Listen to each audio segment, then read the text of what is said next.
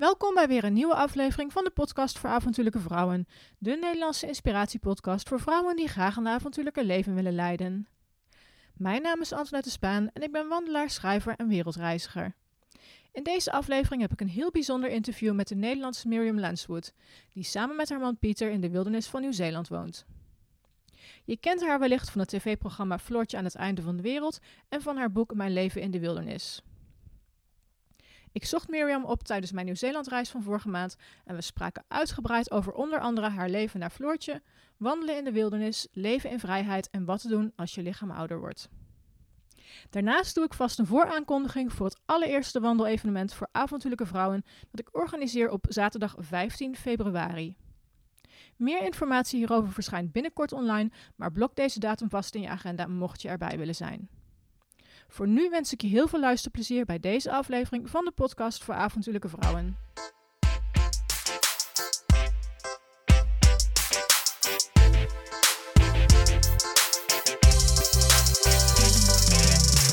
Mirjam, of Mirjam, hoe moet ik het uitspreken? Hoe spreek je het zelf uit? Mirjam. Mirjam, welkom bij de podcast voor avontuurlijke vrouwen. Ja, Super leuk, want ik doe dit dus vanuit uh, Nieuw-Zeeland. Uh, vanuit uh, een, een, huis met een heel mooi uitzicht over de Golden Bay, waar Mirjam tegenwoordig woont. Um, voor de mensen die jou niet kennen, wie ben je en wat doe je? Um, ik kom uit Nederland. ik ben geboren in Achterhoek. En toen heb ik de um, sportacademie gedaan in Groningen. En daarna, meteen na de ALO, ben ik naar Afrika gegaan. Heb ik daar een jaartje vrijwilligerswerk gedaan als docent. Toen ben ik naar India gegaan. En daar heb ik Pieter ontmoet. En Pieter komt uit Nieuw-Zeeland. En toen zijn we samen gaan reizen. Toen kwamen we uit in Nieuw-Zeeland. En in 2010 um, hebben wij de samenleving verlaten en zijn wij in de wildernis gaan wonen. Dus um, in een tent, in de bergen. Uh, ik heb leren jagen met pijl en boog en later overschakeld naar een geweer. En ja, we gingen gewoon rondreizen als nomaden eigenlijk. En ja, we leven van jagen en verzamelen. Ja, heel bijzonder. Dat iets wat je in Nederland eigenlijk niet meer, uh, niet meer meemaakt. Nee, inderdaad. Voor mij was het echt in het begin van een soort van uh, fictieboek. Ja. En dat we dan een jaartje... Want aanvankelijk gingen we dat een jaar doen. Oké, oké, okay, ja. ja. En daarna dachten we, nou ja, wat zullen we nu gaan doen? Maar toen hadden we geen zin om terug te gaan naar de, naar de stad. Nee. En toen uh, vonden we een andere manier om te leven in de wildernis. En zo is het dus zeven jaar geworden. Zeven jaar. En daar heb ik een boek over geschreven, dat heet Mijn leven in de wildernis. Ja, ik heb hem gelezen. Super verhaal. Sowieso tof om, uh, om eens te lezen hoe dat nou allemaal tot, ja, tot stand is gekomen. En um, um, nou ja, je bent natuurlijk... Uh, de meeste mensen zullen jou kennen van uh, je optreden bij het programma van Floortje Dessing, denk ik. Ja. Um, dus in het laatste jaar toen wij de T Araroa Trail aan het lopen waren, toen kwam Floortje Dessing op bezoek. Ja, want zij is tijdens die wandeling op jullie, uh, bij jullie gekomen, toch? Ja. op het Zuidereiland, als ik me niet vergis. Ja. Gaaf, ja. Ik zag dat laatst weer terug uh, als voorbereiding op, uh, op dit interview. En ik dacht echt van, oh, wat is het daar toch ook weer mooi. En uh, wat ja, gaaf dat ze dat gedaan heeft. Ja, um, nou ja, eigenlijk de allerbelangrijkste vraag die ik ook aan jou wilde stellen... en waar heel veel mensen denk ik ook wel nieuwsgierig naar zijn...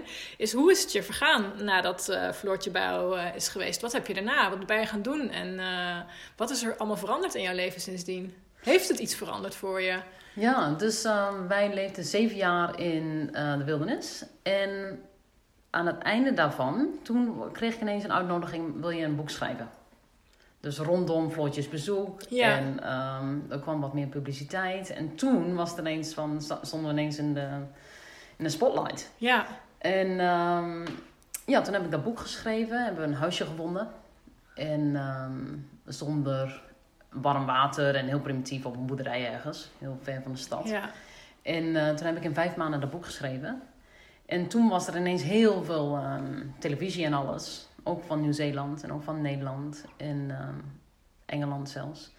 En um, ja, toen was het boek ineens uh, een hype. En toen is het vertaald in het... Dus ik heb het Engels geschreven. Oh, je hebt het dus... Engels geschreven? Ja. Oh, wauw. En uh, ook omdat Pieter dan kon helpen een beetje ja, met... ja.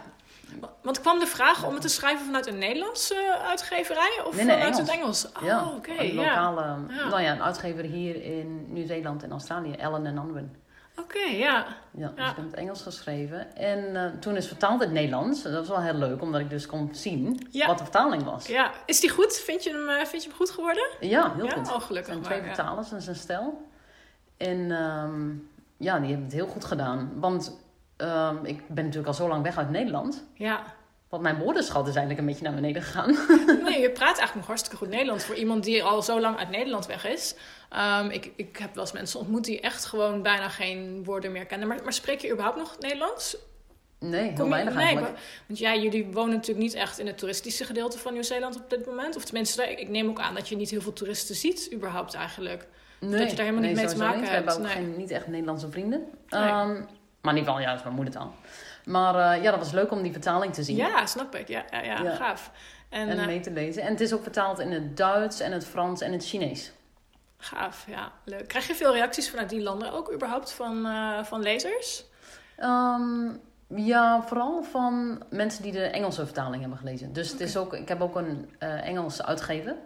En die brengt het dan naar landen zoals Zuid-Afrika. Oh ja, ja, ja. Alle Engels sprekende De landen. landen, zoals ja. Hongkong, ehm, Kenia. pff, Ja, waar ze maar Engels eh, spreken. Bizar eigenlijk dat jouw verhaal dus gewoon door, min of meer doordat Floortje hier is geweest, of eh, is jullie, eh, jullie toen eens komen opzoeken, dat het eigenlijk zo is gaan rollen en dat je verhaal nu gewoon wereldwijd Ja. bekend is eigenlijk. Ja. Ja. ja, Floortjesbezoek was wel heel handig voor Nederlands. Ja, precies. Dus ja. toen- daarom is het denk ik ook een bestseller geworden in Nederland. ja, ja, tof. Gaaf. Maar de Engelse vertaling, ehm, ja, we hebben ook veel Engelse televisie gehad. Ja, en ehm, hoe, eh, hoe kwam je verhaal überhaupt naar buiten? Of hoe kwamen men, de- jullie op het spoor? Hebben jullie daar zelf iets voor gedaan? Om, hebben jullie zelf de pers opgezocht van we, we hebben een verhaal te vertellen? Of hoe is dat überhaupt ooit begonnen dan? Nou, toen wij, ehm, wij hadden TRO aan het Noordereiland gelopen. Ja. En toen zaten we een paar maanden in de winter zaten we bij een vriendin. Ja. En zij zei, waarom eh, schrijf je niet, beschrijf je niet één dag in je leven? Oh, kijk. Ja. en ik dacht, ja. oh, wel leuk. En toen zei ze, dat kun je opsturen naar een tijdschrift. En soms geven ze daar nog een klein beetje geld voor ook. Ja. Dus ik had twee pagina's geschreven. Ja. 500 woorden geloof ik. Mhm. Ehm, en, nee, minder. Maar eh, meer. Twee pagina's en er was één dag beschreven. En dat heb ik opgestuurd naar een tijdschrift dat heet Mindfood.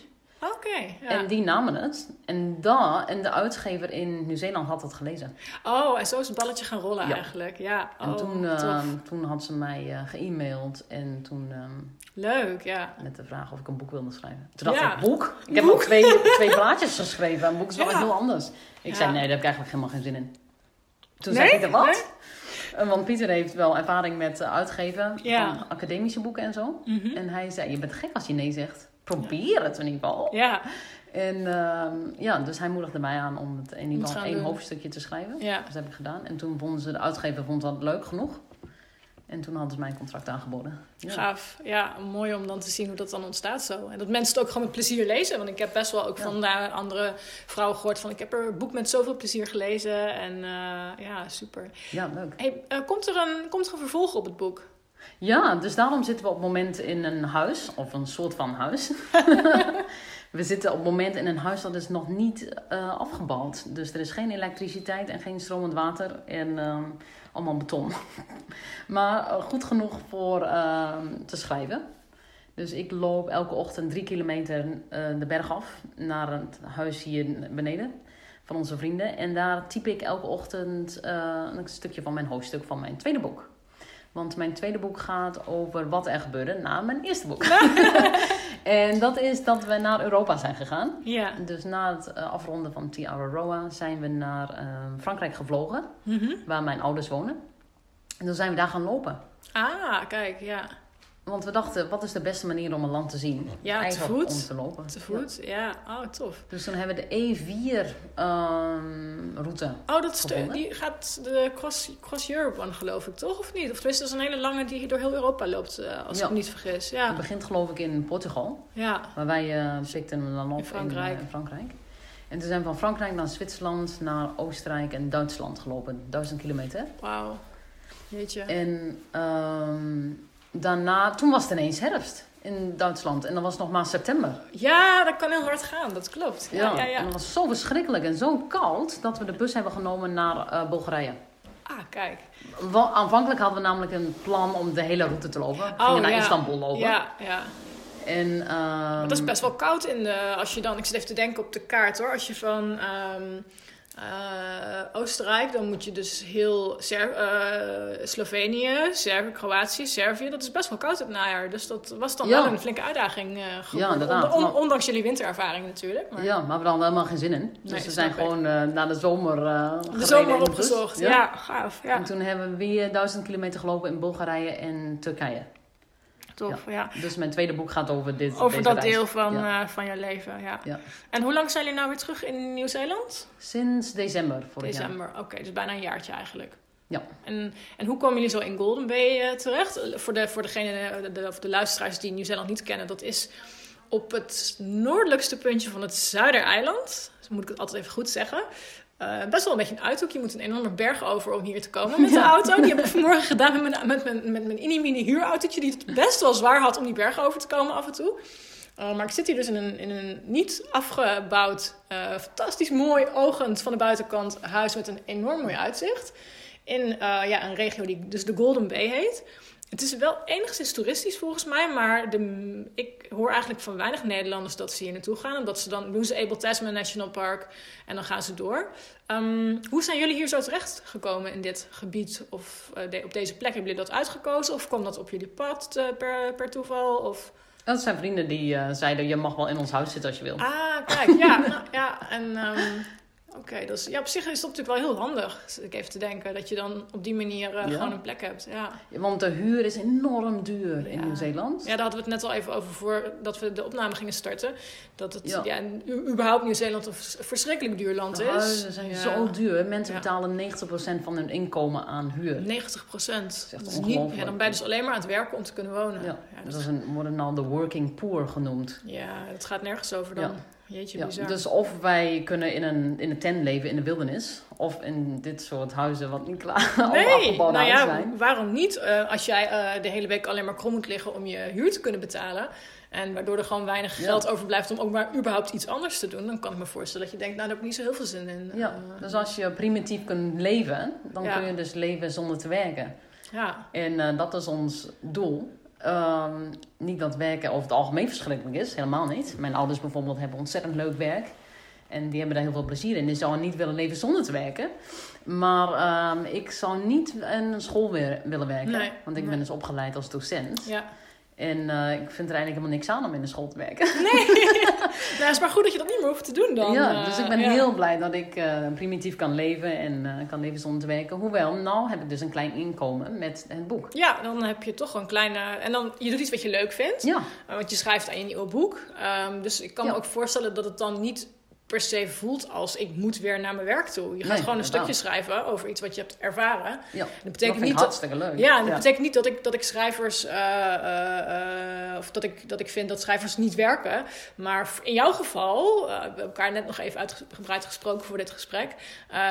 lijkt het me gewoon ook heel gaaf om die ervaringen zo op papier te kunnen zetten. Ja. voor jezelf en, en voor mensen die het leuk vinden om te lezen. Ja, dus, ik vind het hartstikke leuk om te doen. En voelt inderdaad niet als werk. Maar schrijvers kunnen over het algemeen niet leven van. Uh, nee, van dat klopt. Nee. Dus die hebben dan een baan erbij. Nee, ik hoorde laatst dat in Nederland echt maar een handjevol of twee handjesvol schrijvers echt kan lezen van de opbrengsten van hun boek. Ja. Dat, er zitten ook echt inkomsten in, uh, presentaties, lezingen en dergelijke die ze geven. Ja. Um, en, en, en andere promotionele activiteiten inderdaad. Maar, uh, maar goed, fijn toch dat je toch een soort van ja, inkomstenbron hebt gevonden om in ieder geval, uh, ja, nou, ik neem aan boodschappen te kunnen doen en eten ja, te precies, kunnen kopen. En, ja. ja. en we kunnen hier wel best wel veel van het land leven. We hebben hier een hele doos met uh, walnoten hebben we net oh, geplukt. lekker, ja. En uh, we plukken heel veel uh, fruit. Ja. Er zijn hier heel veel fruitbomen. En, um, en er is heel veel... Over de jaren heen heb ik geleerd welke planten je kan eten en ja, zo. Ja. Dus je hoeft echt geen dingen als spinazie te kopen. Want die kun je, kun je gewoon, groeit gewoon hier. Ja, kun je nagaan, ja. Maar ja. dat weten in Nederland weten zo weinig mensen dat. Dat is echt bizar. Ja, maar het groeit daar ook. Ja, dat, dat geloof ja. ik. Maar als ik bij mij door het bos loop... Ik woon in het bos en ik heb echt... Ik heb eerlijk gezegd geen idee wat ik zou kunnen eten en wat niet. Ja, ongetwijfeld kan ik echt heel veel eten. Maar, ja, je hoeft uh, nooit meer spinazie of sla te kopen, want dat kun je echt okay. vinden. Nou, kun ja. je nagaan. Geen, geen, ja. was geen spinazie en sla meer kopen. Dus nee, maar wel wortels en al dat soort dingen Ja, natuurlijk. precies. Dat Ehm, kun je nog niet vinden. ja. En gelukkig hier zijn heel veel geiten. Hier achter ons, we horen ze s'nachts ehm mekkeren. Ja, Ja, dus ik kan hier gaan, ehm, gaan jagen. Dus En dat- de kosten zijn heel weinig. en dat zijn, eh, het, het zijn gewoon wilde geiten. Dus Ja. ik zie ook als ik hier eh, door het landschap rijd veel schapen, veel koeien. Maar de geiten die zijn over het algemeen wild en die zijn Ja. dus van iedereen, die mag je gewoon schieten. Ja, ehm, vooral als het op ehm, bosbeheer Ja, eh, op, openbaar Ja, land is. openbaar Ja, oké. ja. Want in Nieuw-Zeeland werkt het wel wat anders dan in, in Nederland. Want je hebt hier heel veel private lands ook. Hè? Dus gewoon hele bergen, heb ik het idee, zijn van mensen. Ja. Eh, bizar is dat eigenlijk. Ja, soms wel. ja, Ja, dus dan moet je eh, toestemming vragen. ja. Maar iedereen wil van die geiten af, want het is een plaag. Het is een plaag. Oh, ja. Ja. Want Nieuw-Zeeland was oorspronkelijk een vogelland. Ja, En alle ehm, dieren die zijn ingevoerd eh, uit Engeland en ook uit Australië, de possum, is al, die hebben geen natuurlijke vijand en die zijn Nee. dus allemaal een pest geworden. Ja, vandaar ook al die kill traps. Ik heb net de Able Tasman Coast Track gelopen. En er staat echt elke 100 meter staat dus een enorme trapbox... waar ze dan ja, die stoots mee proberen te vangen. Ja. Om maar te voorkomen dat de, dat de mooie vogels die ze hier hebben uitgeroeid worden eigenlijk. Ja, Ehm, want die beesten die eten allemaal de bossen en dan ja, het dat land, doet veel schade. Ja, Dus dat is allemaal, wordt een plaag genoemd. Dus het jagen hier is een heel andere situatie dan mijn jagen in Nederland. ja, ja. Want soms krijg ik boze e-mails van, ehm, word toch een vegan of word een eh, vegetarisch. ja. Maar de, Het is een hele andere situatie. Ja. Ja. Ja, ja, Nou, ik, ehm, ik woon zelf op de Veluwe en daar worden bij mijn weten ook best wel veel zwijnen afgeschoten. En herten ook, omdat het gewoon over, een overpopulatie is. Toevallig was ik vorige week, of nee, de week voordat ik de, nee, de dag van mijn vlucht naar Nieuw-Zeeland, was ik nog even in het Nationale Park, de Hoge Veluwe. Mhm. En toen was ik bij de parkwinkel. Daar lagen ook gewoon allemaal eh, stukken vlees die je kon kopen van wild wat dus daar Oh, fantastisch. geschoten is. En toen dacht ik, ja, Ja. weet je, dit is eigenlijk wel the way to do it. Ehm, dus ik vond het wel een, eh, ja, vond ik, dat vond ik wel leuk. Toen zei ik ook tegen mijn vriend van, oh, moeten we eigenlijk binnenkort even een voorraadje inslaan of voor in de vriezer of zo. Want dat is natuurlijk super, eh, ja, een super goede manier om eigenlijk, eh, als je dan al vlees eet, om vlees te eten. Ja, Ehm, precies ja. Ja. Want, want ik was vroeger al vegetarisch. ja, En toen we in de wildernis gingen leven en ik ging jagen, eh, hadden we ineens vlees. En ik merk wel dat ik veel sterker ben geworden. Ja. En ook dat mijn haar veel dikker is geworden. En mijn nagels zijn sterker. oké. ja. Maar ik denk dat dat komt door het wilde vlees. Want Ja, ik, we Dit is echt vlees, vlees. Dit is echt vlees, vlees. ja. Zoals vlees bedoeld is en niet het vlees wat we in Ja. Nederland hebben eh, van, de, van, de, van de fokboerderijen en zo. eh. Ja, want ik zal niet graag vlees kopen in de supermarkt. Nee. Maar ik denk dat dat wilde vlees heel erg goed is. Want er zijn heel weinig ehm, fruit en zo te vinden in de hoge bergen. Ja, in het alpine deel, ja. Dus ik denk altijd, oké, dan de haas die eet alle groenten. Ja. En ik eet de haas. Ja, en dan, Dan krijg je toch die, die, die, die middelen weer, of die eh, ja, Theoretisch gezien dingen weer binnen. Ja, ja. Ja. En eh, krijg je daar überhaupt, daar krijg je natuurlijk wel vragen over, denk ik, vanuit Nederland ook. Van hoe heb je dat kunnen doen, überhaupt? eh, jagen en dan alleen maar vlees en, en rijst eten. Rijst en bonen hadden jullie volgens mij op, in jullie boek. Ja, ja, Ehm, inderdaad. En een paar bessen en zo in de, in de zomer en herfst. En ook wel de eetbare planten. Maar Ja. dat is ehm, maar een klein percentage inderdaad. Ja. Ja, dus dus heel veel vlees. En heb je bij je, ehm, want je hoort in Nederland je moet twee stuks fruit op een dag eten en zoveel ons groente. Maar jij bewijst, of jullie bewijzen eigenlijk, dat eh, dat, dat niet per definitie eh, noodzakelijk is om gezond te blijven. Nee, ik denk dat wildvlees heel erg gezond ja, is. precies. Ja. Dus dat het ook met, gewoon met wild en onbewerkt, dat het eigenlijk met name om, om het onbewerkte voedsel gaat. Ja, En- ja, inderdaad. Dat is niet, niet te vergelijken met wat wij in Nederland in de supermarkt Ja. eh, hebben liggen. Maar soms namen wij ook, eh, kochten we gewoon in de winkel ehm, vitamine C. Oh ja, om toch even bij Ja. te slikken. Ja. Ja, dus die namen ook elke dag een klein half pilletje. toch om, nou ja, dat is op zich misschien helemaal geen verkeerd idee. Dat je toch in ieder geval weet dat je de ja. Ja. minimale hoeveelheid binnenkrijgt. Ja, inderdaad. Hey, en jullie hebben eh te, Ara- te Araroa gelopen. Of Te Araroa, als ik Ja. het eh, goed uitspreek. Dat is eh, de lange afstandswandeling van Nieuw-Zeeland. Helemaal vanaf het noorden naar het zuiden.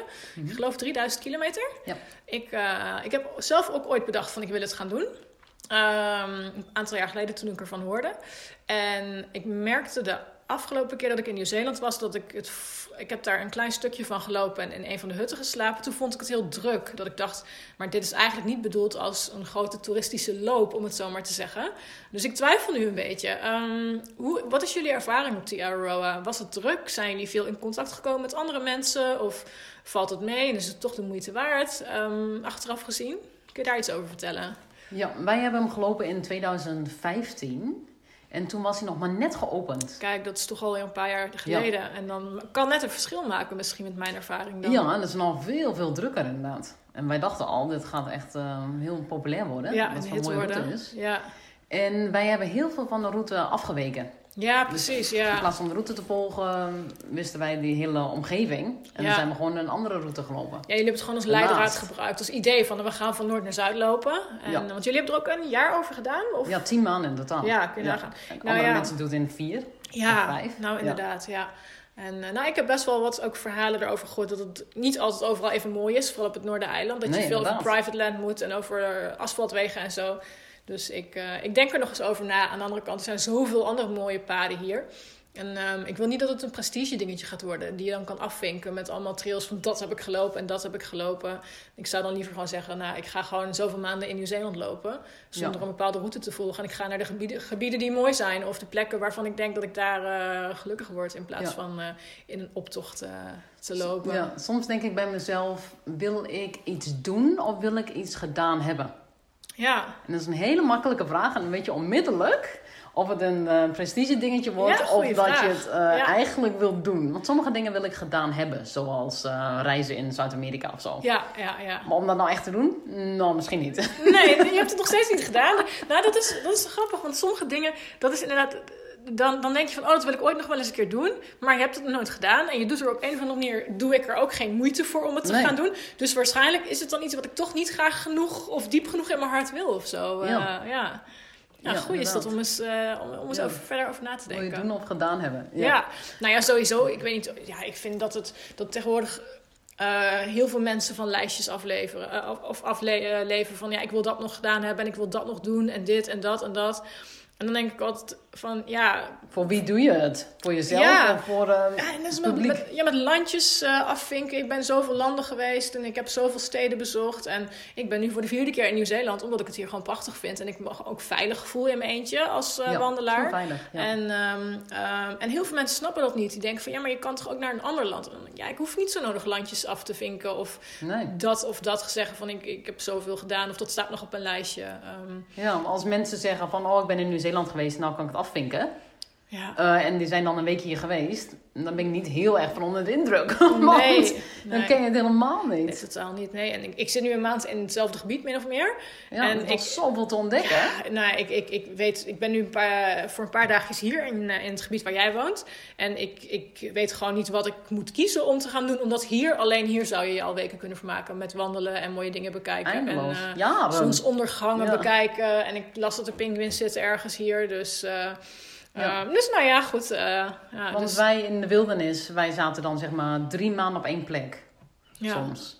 En dan heb je echt het gevoel dat je dat gebied, dat kleine dat stukje vallei goed kent. kennen. Ja, En dan heb je bijvoorbeeld ook eh, een paar eenden die er ook wonen. ja, En dan heb ja. je een soort van connectie met die eenden. En die weten dan dat jij daar zit. En weet je wel, dus dat duurt een paar maanden om je daar thuis te voelen. ja, ging Ja, je- wat zie je in één dag? Niks. Nou, niet zoveel. Nee, het is echt fotocamera pakken en weer door. Ja. En dat, eh, dat zie je natuurlijk steeds meer. Ehm, Maar goed, dat is weer een hele andere discussie uiteindelijk. Ja. Ehm, hebben jullie bepaalde toekomstplannen? Eh, dingen die jullie... En nu zijn, ja, je bent nu aan je boek aan het werken. Eh, wanneer komt die ongeveer uit? Is de planning min of meer? Oh, volgend jaar of zo is mijn deadline. Oké, dus ja. dat duurt nog eventjes. Ja. Ik dacht, ik ga gewoon die deadline heel ver wegzetten, zodat er helemaal geen druk is. ja, precies. Want dan juist als je onder- tijd. Ja. Ja. Ehm, maar wij leven een beetje met de open deur filosofie. Dus ehm, alles wat er zeg maar, aangeboden wordt. Dus Ja. als, ik zeg altijd het voorbeeld van als iemand zegt van eh, kom op onze zeilboot naar Fiji. Dan zeggen we ja, want we hebben toch alle tijd. Ja, ja. En ehm, we hebben geen huis, dus we kunnen gewoon alles doen waar we zin in hebben. ja, perfect. Ja, Ja. Dat is wel heel fijn.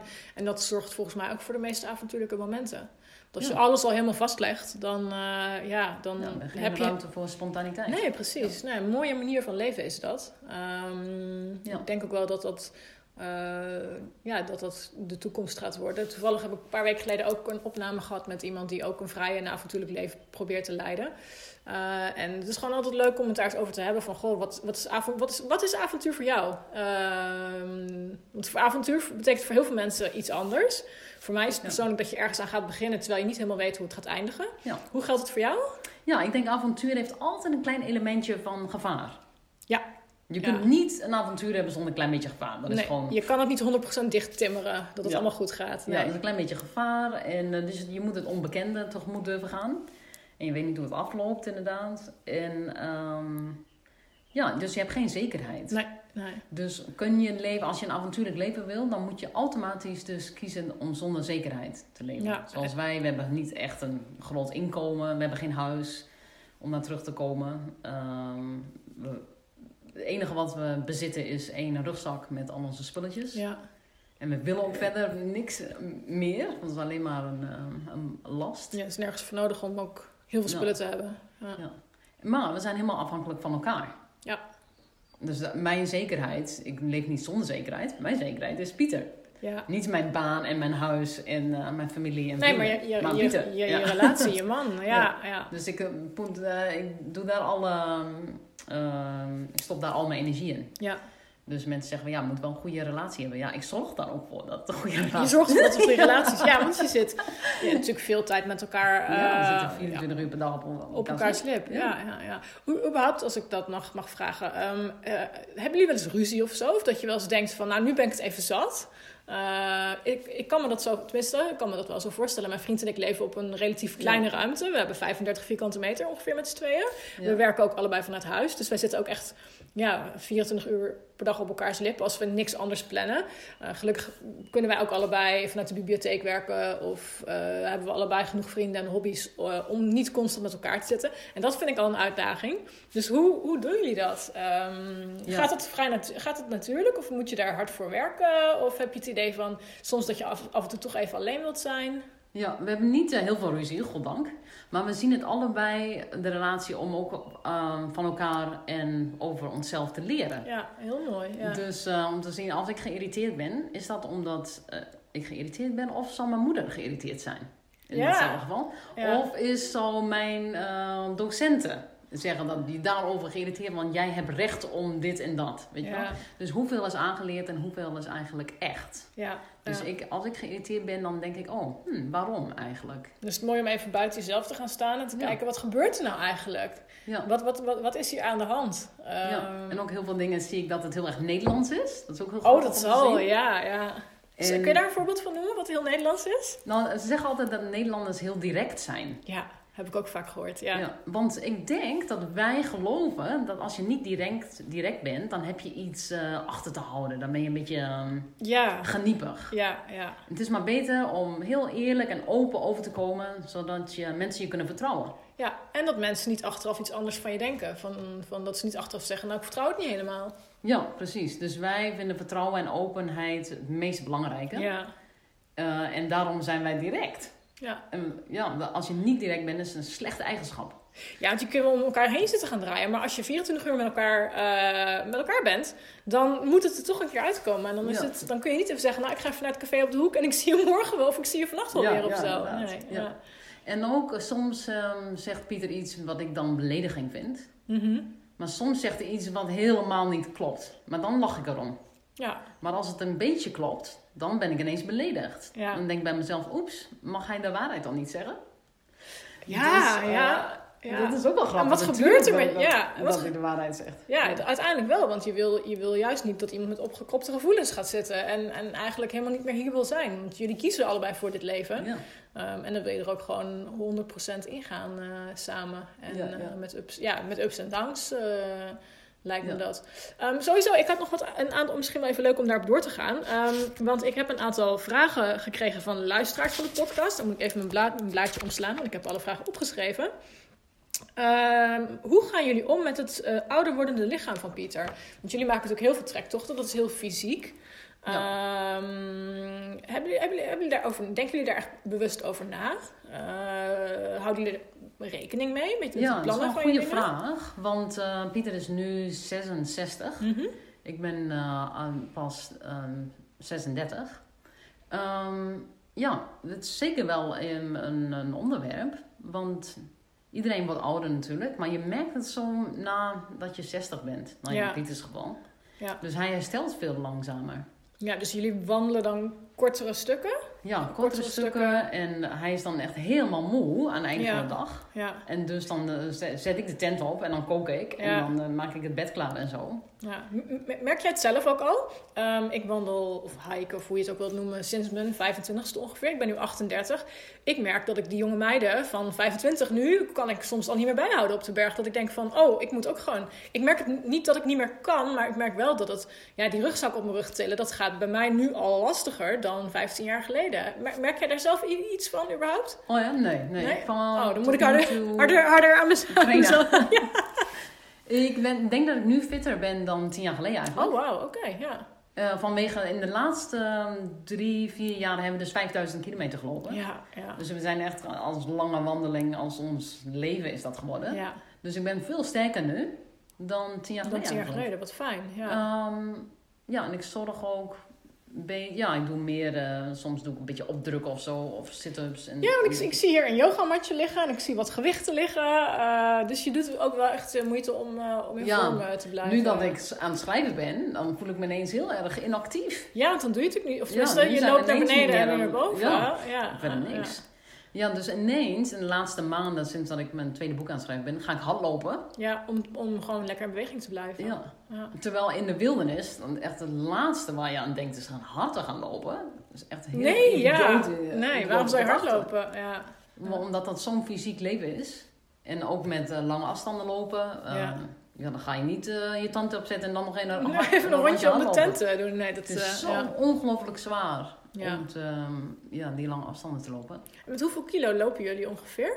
Ligt er een beetje aan hoe ehm, met eten en zo. Ja. Eten en, en water is heel erg zwaar. Dus in Europa moesten we soms met eet, eet eh 8 liter water Oh, jee, eh, wow. gaan tillen. Want we weten nooit wanneer we... Wanneer je weer water tegenkomt. Ja, ja. Maar in Nieuw-Zeeland heb je overal beekjes en rivieren. bronnen, ja, ja, Dus dan kun je gewoon uit die rivieren drinken. Hoef je nooit water mee te nemen. Nee, klopt. Ja. Maar dan zit je weer met eten. Want hier, als je de TRO gaat lopen, dan heb je soms twee weken dat je geen, eh je geen winkels eh, winkels ja, ja.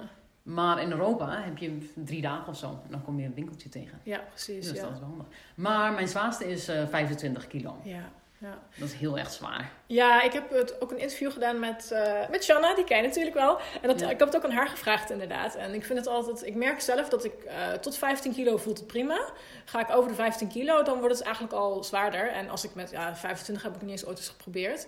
Maar eh, ik, dat is zwaar, ja. 25 moet je eigenlijk gaan zitten en dan die, die rugzak eh, Ja, zo opdoen en Ja. jezelf omhoog hijsen aan de dichtstbijzijnde boom of Ja. zo. ja, precies. Om weer eh, naar boven te komen. Maar Pieters limiet is ook iets van 17, 18. Ja, ja, loop. Maar ik vind het echt super tof dat hij het op zijn leeftijd überhaupt nog kan. ik En, en dat hij dat zomaar doet hoor. Het is zo'n inspiratie voor oudere mensen. Ja, nou dat Ik ook. denk als, als hij het kan. Hij begon met Tiaroa toen hij 59 was. Jeetje, ja.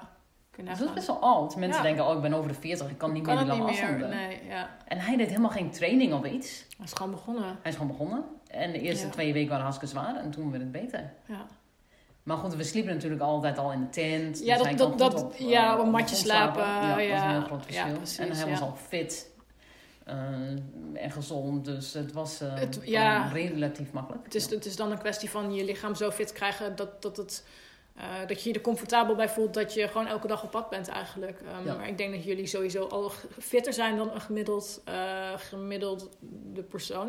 Ik vind Ja, het sowieso zeker. overigens de Nieuw-Zeelanders over het algemeen een fitter volk dan in Nederland. Ehm, ik zie ook gewoon best wel veel oudere mensen. Dan heb ik het over, nou ja, mag ik zeggen, 50-plus dames. Zie ik gewoon allemaal nog hiken met rugzak op. Ik zat Ja. van de week in de bus naar de Able Tasman Coastal Track. En bij mij in de bus zat een groepje dames. Ik denk dat ze allebei, nou, eh, tussen de 55 en 65 waren. Gewoon met grote rugzakken op nog. Nou, dat zie je in Nederland relatief weinig toch nog. En dan ook echt de bergen in. Hè? Dus niet een Pieterpad lopen Ja. of, een, of een trail door de Achterhoek of zo. Maar echt dus eh, de bergen in. Dat vind ik dan toch wel tof. Dat, eh, Ja, relatief veel mensen ehm, doen veel in de bergen. Ja, Tra- tramping, en wandelen. Ja, ja, fietsen inderdaad ook. Ik merk ook dat er komen steeds meer fietspaden in Nieuw-Zeeland bij. Van die, van die, van die railtrails en zo. Dus, Ja. ja. ja. En nu leent het Nieuw-Zeelandse landschap zich daar ook wel heel goed voor natuurlijk.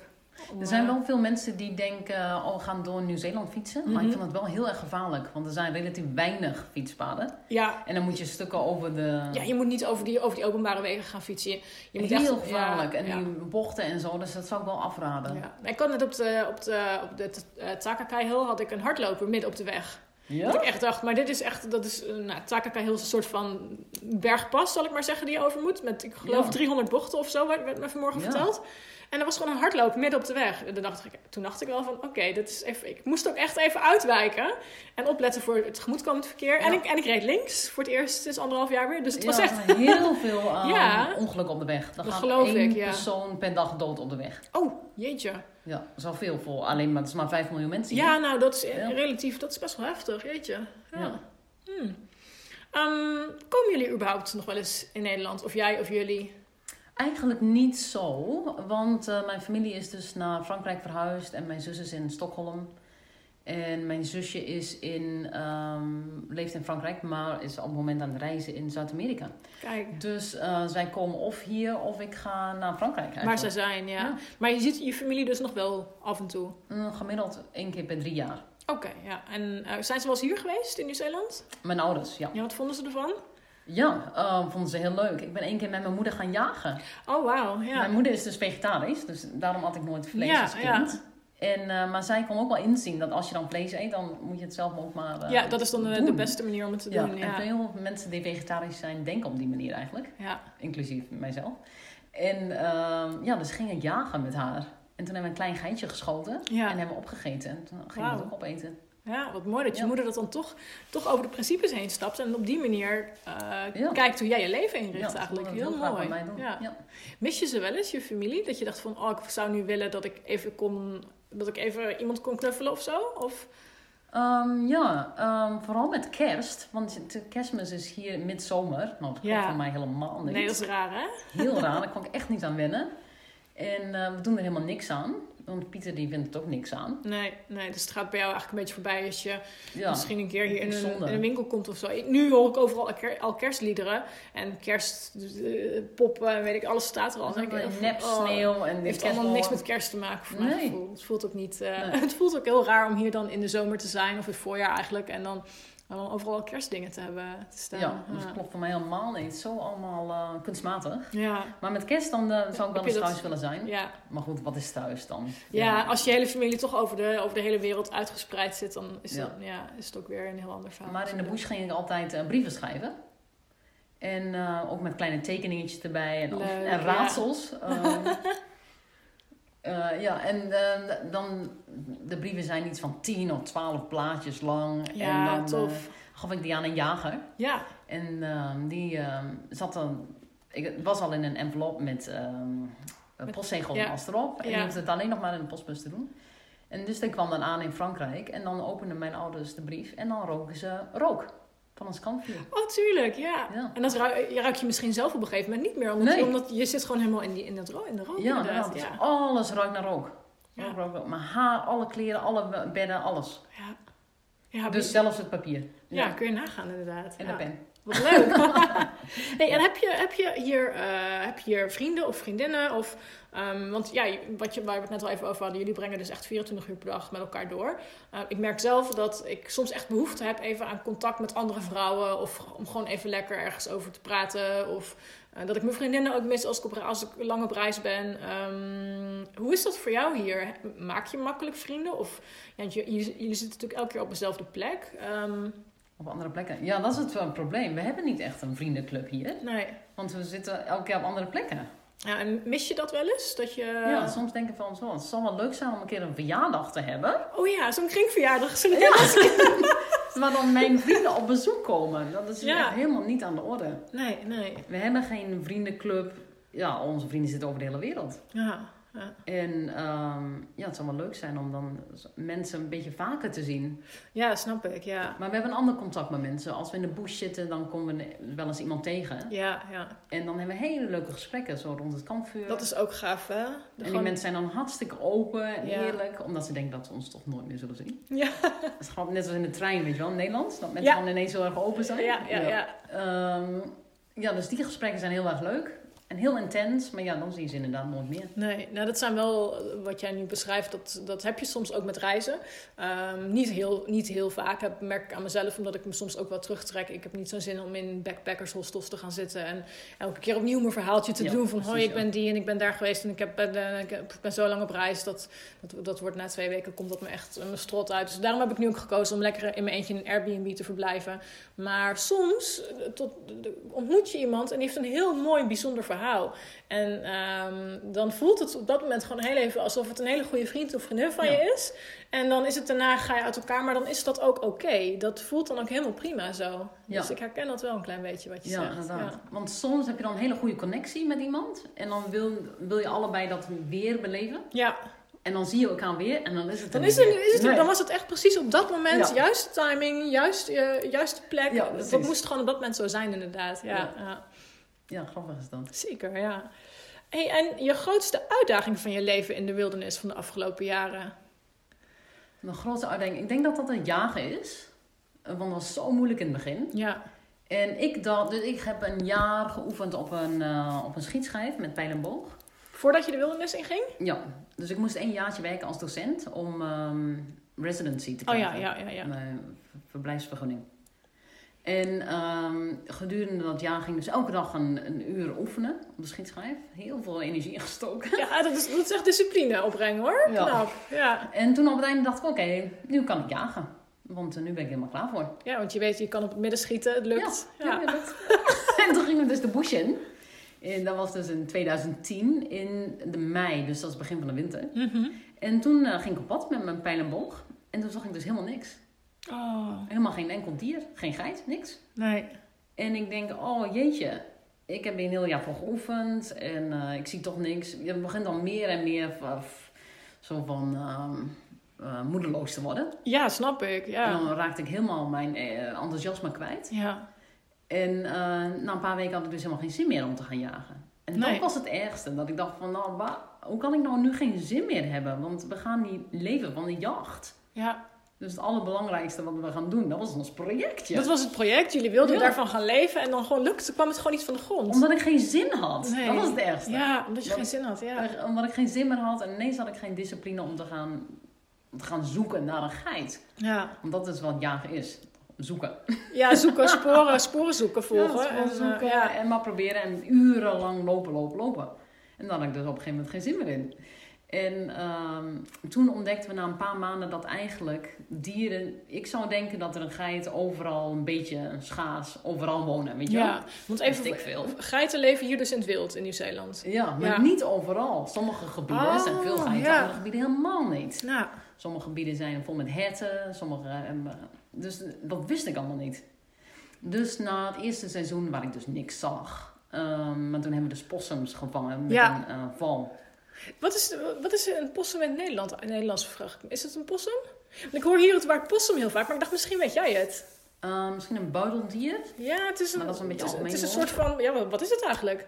Het is ongeveer zo groot als een kat. En ook de, de vacht als een kat. eh, en ook de, de staart. Ja, Maar het heeft een mondje als een rat. oké, ja. En het heeft een klein buideltje als een kangoeroe. Oh, een combi van eigenlijk alles, zo'n beetje. Ja.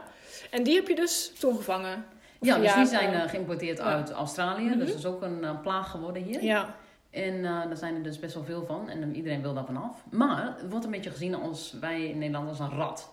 ja. Dus geen mens Ja. die een rat Die gaat, eten. nee, nee. En hier dus om een possum te eten, dat is echt zo van... Wat? Not done. Ja, misschien goed voor een hond of zo. Ja. hondenvoer. Ja, maar niet maar voor niet- mensen. nee, oh dus dat is jeetje, voor, ja. voor ons baanbrekend om die eigenlijk echt te gaan opeten. Ja. Dus als wij andere jagers tegenkwamen, dan zeiden we van we eten possum en het smaakt eigenlijk heel goed. Hier, probeer maar. Dus dan hadden we wat gekookt voor de jager. ja. En die vinden inderdaad, inderdaad heel erg lekker om te eten. Dus Dus dat is- hartstikke gezond. Het is eigenlijk gewoon een vooroordeel dat je possum dus niet zou kunnen Ja, eten. Oh, inderdaad. wow, ja. En van de possum ben je uiteindelijk bij de geit uitgekomen. Ja, dus na zes maanden heb ik voor de eerst een geit gezien en geschoten. En om mijn nek heb ik dus een, de hoorn Ja, ik van zie de eerste hem. geit. Oh, wat bijzonder dat je die nog steeds bij je draagt. Ja, dus heb ik altijd om mijn nek. En eh, vanaf toen kwamen we in een gebied met meer, dus na in de zomer. Toen zei een andere jager, nee, maar je moet hier niet gaan zitten. Je moet naar dat gebied gaan. Daar zijn pas veel geiten. Ja, Want geiten zijn het makkelijkste om te schieten met een pijl en boog. ja. Want de herten die zijn veel schuwer en die rennen al weg. Snel weg. Ja. Ja, ja, ja. Scheiden zijn het beste. Ehm, ja, en pas toen we in dat gebied kwamen met veel geiten, toen eh, werd ik weer enthousiast. Toen maar dus dat mijn grootste uitdaging was dus om dat enthousiasme te zoeken. Weer terug te vinden. Ja. Ja, poeh, dat nou, en inderdaad, het gaat niet even om, een, om, om twee weken of zo dat het niet lukt dan. Maar, eh, Nee, maanden. Wauw, wat een discipline moet je opgebracht hebben, zeg. Jeetje. Ja. Ja. Maar ja, heb je ooit honger gehad? En ik kan me voorstellen, als je honger hebt, dat je denkt van ja, het moet, dat als, het, als het noodzaak wordt. Maar heb je ooit echt honger gehad dat je denkt, nu moet ik wat, wat, wat schieten? Of nu moet, nu moet er eten komen? Nou, we hadden altijd de possums gelukkig. Ja, Maar die eerste winter was zo koud en zo, ehm, ja, ehm, koud dat we eigenlijk de nacht niet doorkwamen zonder vlees. oh joh. Nou, kwam nog wat door. maar Maar- ehm, werden we 's ochtends wakker met, ehm, ehm, maag? Ja, maag. Waar, waar zaten jullie toen, als ik vragen mag? ehm, South Marlborough.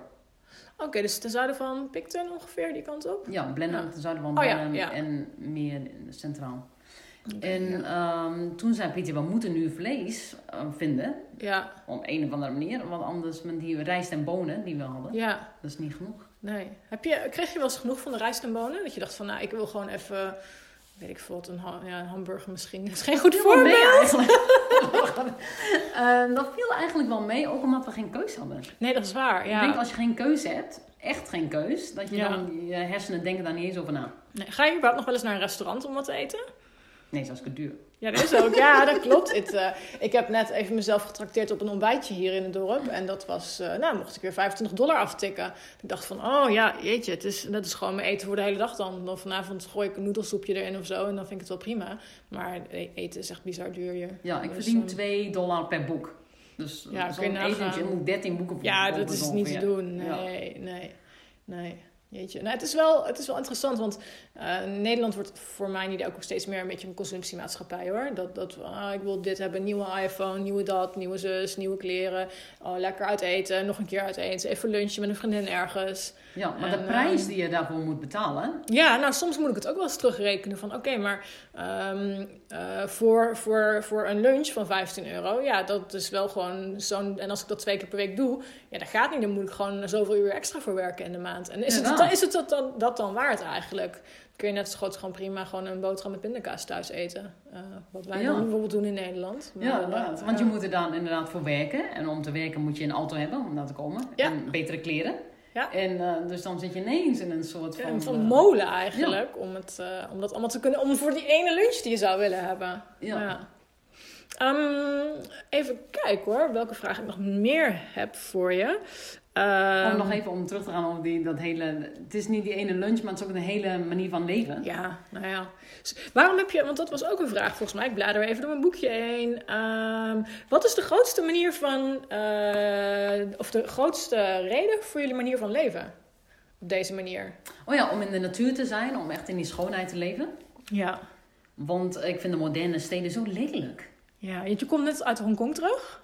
Ja, ik had dus een Writers Festival in Hongkong. Eh, waar ik ehm, presentaties moest geven en interviews moest doen. Dat is een soort van panel heet dat. Een, een interview voor een groot publiek. Oh ja, ja, ja. En eh, ja, of in mijn eentje of met andere mensen die eenzelfde, iets hetzelfde soort hadden beleefd. Ja. Dus dat ging dan over mijn boek. En, maar ook eh, voor basisscholen en middelbare scholen. En die kinderen spraken best wel goed Engels. Ja, En het was heel leuk om dat voor achtjarigen te doen. Want die Ja. eh, kunnen zich helemaal voorstellen hoe dat dan zo is in het bos. En ik vind het heel spannend dat ik dat dan echt doe. Met pijl en boog. ja ze denken dat het in de film gebeurt, maar ze realiseren zich misschien niet dat het echt is. Nou ja, ik laat dan een foto's zien en dan Ja. denken ze, wow, deze, deze vrouw die doet dat echt. En dan heb ik een klein toneelstukje, hoor ik dan een geit eh, roep. Ja. Want dan, dan doe ik er net een geit na. Mhm. En dan eh, denkt een mannetje scheid van, hé, hey, ik wist niet dat er nog een vrouwtje scheid hier was. Die heeft dan zo'n kleine Ja. groepje met zijn eigen vrouwtjes, zijn harem. En dan komt hij naar mij toe gelopen. En dat is heel spannend. Ja, En dan beeld dat dan uit dat ik in een boom klim en dan wacht met mijn pijl en boog totdat hij eraan komt. En dan schiet als ik geluk heb. En dan Ja. eh, bedank ik de, wat dan ook, de goden of de, Ja. het leven. En dan, eh, dan til ik die geit terug naar, mijn, naar het kamp, op mijn rug. En dan beeld, beeld ik dan allemaal uit. En dan vind ik het dan hartstikke leuk. ja. Zo leuk dat ik dacht van, hé, hey, misschien is het wel leuk om een soort van prentenboek te maken. Nou, ik denk inderdaad, nou je dat zo zegt, dat het voor heel veel kinderen, ook in Nederland, ook in Hongkong, ook overal ter wereld, vooral kinderen die in de steden wonen, dat die, die hebben gewoon geen idee. Dus het zou, is misschien wel hartstikke, een hartstikke goed idee inderdaad, om daar eens op die manier eh, wat aandacht aan eh, Ja. te besteden. Een prentenboek dat echt gebeurd is. Ik denk dat dat wel Ja. aanspreekt dan bij mensen. Ja, want ja, kinderen. vooral in het stedelijk gebied zullen heel veel kinderen gewoon vlees krijgen uit de supermarkt. Ja. En dus niet weten dat dat niet uit een fabriek komt, maar dat er dus ook manieren zijn om het op natuurlijke wijze te verkrijgen. Ja. Ja. Ja, en ons leven in een tent en eh, met, die, ehm, met donder en bliksem en echt in de elementen te zitten. En mooie bergen hier in Nieuw-Zeeland. Ja, nou, Nieuw-Zeeland is sowieso ehm, een prachtig land qua natuur. Ehm, wat is je favoriete stukje Nieuw-Zeeland eigenlijk? Heb je een bepaald deel waarvan je denkt, daar heb, of daar heb ik warme herinneringen aan? Of de- ja, dat is het, het, het allermooiste? Nog een gebied waar Floortje kwam. Dat Ja. is neer Twizel. Ja, oh, dat is zo mooi. Ja, ja. En ehm, in de buurt van Twizel. En daar is, eh, zijn hele hoge bergen en een grote vallei. Dat is allemaal Ja. ehm gletsjerachtig. Oh, ja, ja, ja. Dus dan heb je heel wijd ehm, landschap. Ik denk dat dat mijn favoriet is. Ja. Ja. Ja, dat is inderdaad ook wel echt een mooi stuk. Zoals ik mijn Nieuw-Zeeland altijd het meest inbeeld. Ja. Ehm, ja, Met sneeuw op de bergen Ja. en een grote rivier. En ja. Heel ruig ook. En het is ook wel heel winderig. ja, dat klopt. Ja, de Nieuw-Zeelandse wind is inderdaad... eh, die kan wel heftig eh, zijn. Dus ik ga straks mijn tentje opzetten. Ik zie in de verte al regen. Dus eh, nou, we gaan... komt helemaal goed. Eens even kijken wat ik nog meer voor vragen heb. Ehm, Ja, nou, deze hebben we eigenlijk net al beha- behandeld. Als je nu voor de klas zou staan en een eh, lesuur mocht voorbereiden voor de kinderen, wat zou je ze dan willen leren? Ja, dus dat Dat is heb een ook, eh, of gedaan. Ja, dus dat heb je gedaan. En eh, dan zou ik inderdaad gewoon het verhaal vertellen. En om de kinderen te laten zien dat het echt mogelijk is om een ander leven te hebben. Ja, Want ze geven je in de middelbare school geven ze een keuze van wat wil je worden? Of dokter of ehm, docent Ja. of eh, wat dan ook. Eh, maar niet van, hey, je kunt ook heel ander leven le- leiden. nee, ze, zeggen, ze, ze bereiden je voor op, op het werk wat je moet gaan doen om, om een leven te gaan leiden. Maar Ja. ze, ze vertellen niks bij mijn weten over welke levens je allemaal kunt leiden. Dus een Ja. vrij leven, een avontuurlijk leven, een leven in de wildernis. We worden allemaal geacht om Ja, het huisje, werken. boompje, beestje eh, te doen. En eh 40 uur per week naar kantoor te gaan. En sportclubjes en de boodschappen. En, en, en, en, en sociale afspraken, volle agenda's, dat soort dingen. Ja, ik heb nooit gehoord dat, dat, ehm, iemand, een docent zei, je hoeft niet in een huis te wonen. Je kunt ook in een tent wonen. Ja, nee, dat... Nee, dat En daarvoor hoef je dus helemaal niet zo'n groot inkomen te hebben. En- Nee, en dan heb je gewoon een veel vrije leven uiteindelijk. Ja. Ja. Hoe ziet een gemiddelde dag voor jou eruit? Eh, heb, je, heb je een soort van eh, vaste routine of, of op dit moment? Ja, Ehm, het ligt er dus helemaal aan wat we doen. Op het moment eh, sta ik elke dag om zes uur op en ehm, loop ik naar beneden om naar het huis van onze vrienden om daar dus te typen voor een paar uur. En dan smiddags eh werken we in de tuin en s'avonds ga ik hier jagen. Ja, ja. En eh, verzamel ik wat planten en zo voor het avondeten. Ehm, maar met het, in Europa waren we aan het, ehm, aan het wandelen altijd. ja. En eh, dus, s ochtends braken we de tent op. En dan liepen we een paar uur. En dan eh, maken we een vuurtje voor het middageten. ja. En eh, maken we daar chapatis. Gewoon van Oh ja, ja, ja. Ja. ja. En een paar tomaten als we die ergens anders gevonden. Of een Yes, beetje kaas, ja. geitenkaas of wat, dan ook. En dan liepen we weer een paar uur smiddags. En dan s'avonds vonden we weer een plekje in de, in de bossen. En wij hadden uitgevonden dat in Europa soms is het hartstikke illegaal om daar te kamperen. Zoals in Zwitserland. Ja, dat mag lang niet overal, hè? Ja, dan Nee. betaal je iets van 10.000 euro of zo boete als ze je vinden. Bizar, jeetje. Maar is daar niemand? Nee. Iedereen gaat s'avonds naar huis. Ja, dus er, er is niemand in die wildernis waar je, waar je niet mag komen. Of waar je niet mag kamperen Waar je eigenlijk. mag kamperen. Dus wij Ja. gingen gewoon in de bossen en dan een, een plekje vinden. Soms wel moeilijk te vinden om een recht stukje te Ja, dat is in Zwitserland een uitdaging, kan ik me voorstellen. Ja, ja. En dan, eh, maar dan, zelfs konden we dan nog ehm, een vuurtje maken om te koken. ja. Dat is ook geen probleem. En niemand heeft ons gezien. En het ging allemaal hartstikke goed. Nou, fijn, En in ja. al die andere landen was het nog makkelijker. Ja. Dus ehm, ja, zelfs in Europa is het mogelijk. Is het mogelijk? Je moet Ja. alleen even een beetje weten hoe en... eh, ja. Ja. Heb je je nooit ongemakkelijk gevoeld? Of ben je ba- bang geweest dat je betrapt zou worden of zo? Of, of een boete zou krijgen? Nee, niet eigenlijk. Omdat we zo ver de bos in gaan. Ik denk, dat ziet niemand. En Ja, daar we komt zagen dan ook niemand na Nee. vijf uur, zeg maar. Nee. En hoeveel, hoeveel, hoeveel liepen jullie per dag ongeveer qua tijden? Was dat net wat, hoe het voelde? Of hadden jullie Ja. wel zoiets van, we willen vandaag proberen zo ver te komen? Of... Nee, maakt helemaal niet uit. Als we Nee. een mooi plekje vonden, dan gingen we daar kamperen. Want we hebben toch tijd zat. Ja, ja dat We is hoeven wel nergens waar. te komen. Je hoeft nergens naartoe. Dat is We wel... niks, eh, Ja. niks te bewijzen of nergens aan te komen. Nee, nee, dus je had gewoon alle vrijheid. En die zagen wel eh, Ja, hoe het ging gewoon, lopen. eh, ja. Tot we moe waren en dan een plekje vinden. ja. Hey, heb je nog avonturen die je wel eens, die je nog graag zou willen doen? Of gedaan? Nee, niet gedaan zou willen hebben, maar iets waarvan je echt denkt van, wauw, dat, dat is echt iets wat me super tof zou lijken. Of eh, droom je nog ergens van? Nou, met Pieter dat hij nu ouder wordt. Hij heeft een hekel aan om zijn rugzak te dragen nu. Ja, Zelfs 15 kilo vindt hij zoveel. ja. Dus ik zou heel graag iets met paarden willen doen. Dat zijn Oh, rugzak ja. gedragen wordt door een paard. Kijk, ja. En dan iets om een band te hebben met dieren. Met dat dieren, heb ik gedaan. Oh, wat leuk, ja. Maar ik weet niet of Nieuw-Zeeland daar een goed land voor is. Misschien is Europa beter. Ja, ik weet dat ze volgens mij ook wel dingen met ezels doen in Europa, maar ik weet verder niet hoe en wat. Of, ja, Het nadeel daar is dat je misschien een grens overgaat. En dan moet je al die vaccinaties hebben. ja je kan niet zomaar een, een, een dier meenemen van, van plek naar plek. Nee, Dus ik denk ook nee. niet. Nou ja, is misschien eh, iets om over na te denken voor de toekomst. Ja, eh. maar wel, eh, wel een goed idee inderdaad. Zodat jullie toch lekker op pad kunnen blijven gaan.